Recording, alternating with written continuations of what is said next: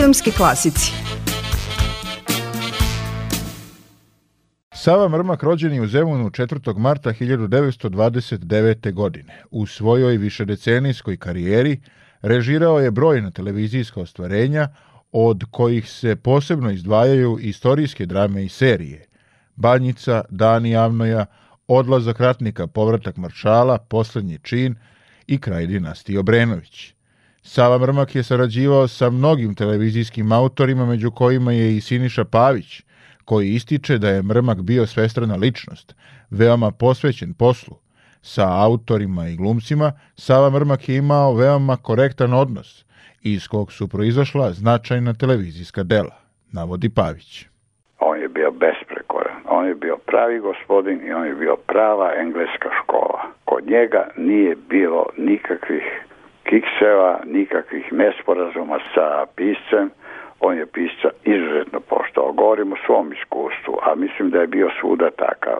On je mene zvao telefonom ako treba jednu rečenicu da promeni. Pitao je da se slaže.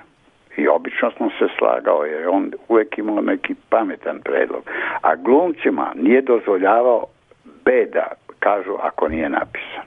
Znao je zašto to govori, znao je zato što je moj tekst tako građen, tako je slagan dramatuški, da ako se ispusti jedna rečenica, to on njima rekao glumcima, ako ispustite sad ovu rečenicu, drugče kažete, bit će nerazumljiva rečenica kroz 5-6 minuta.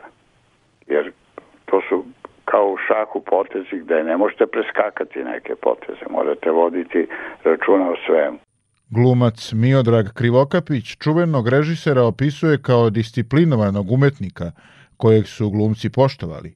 Mrmak je verovao da se od televizije može napraviti umetnost, ističe Miodrag Krivokapić.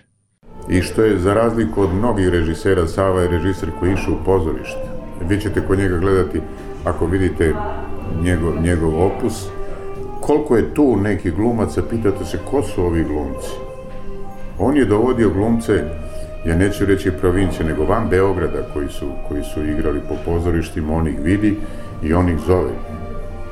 Što ovde do, uopšte nije uobičajeno. Tek u zadnje vreme je počelo nešto, pošto je hiperprodukcija, pa im treba puno glumaca, pa uzimaju iz pozorišta van Beograda, ali onda je to bilo dosta redko.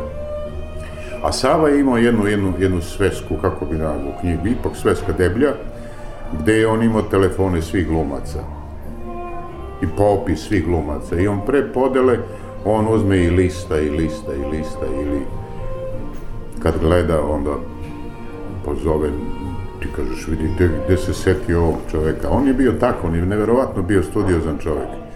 Miodrag Krivokapić je sa Savom Mrmkom sarađivao u serijama Misija majora Atertona, Ranjenik, Jastuk groba mog i Kraj dinastije Obrenović.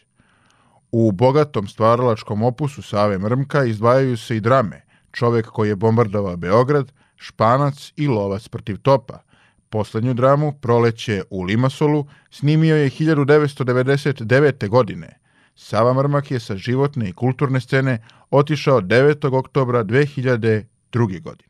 Filmski klasici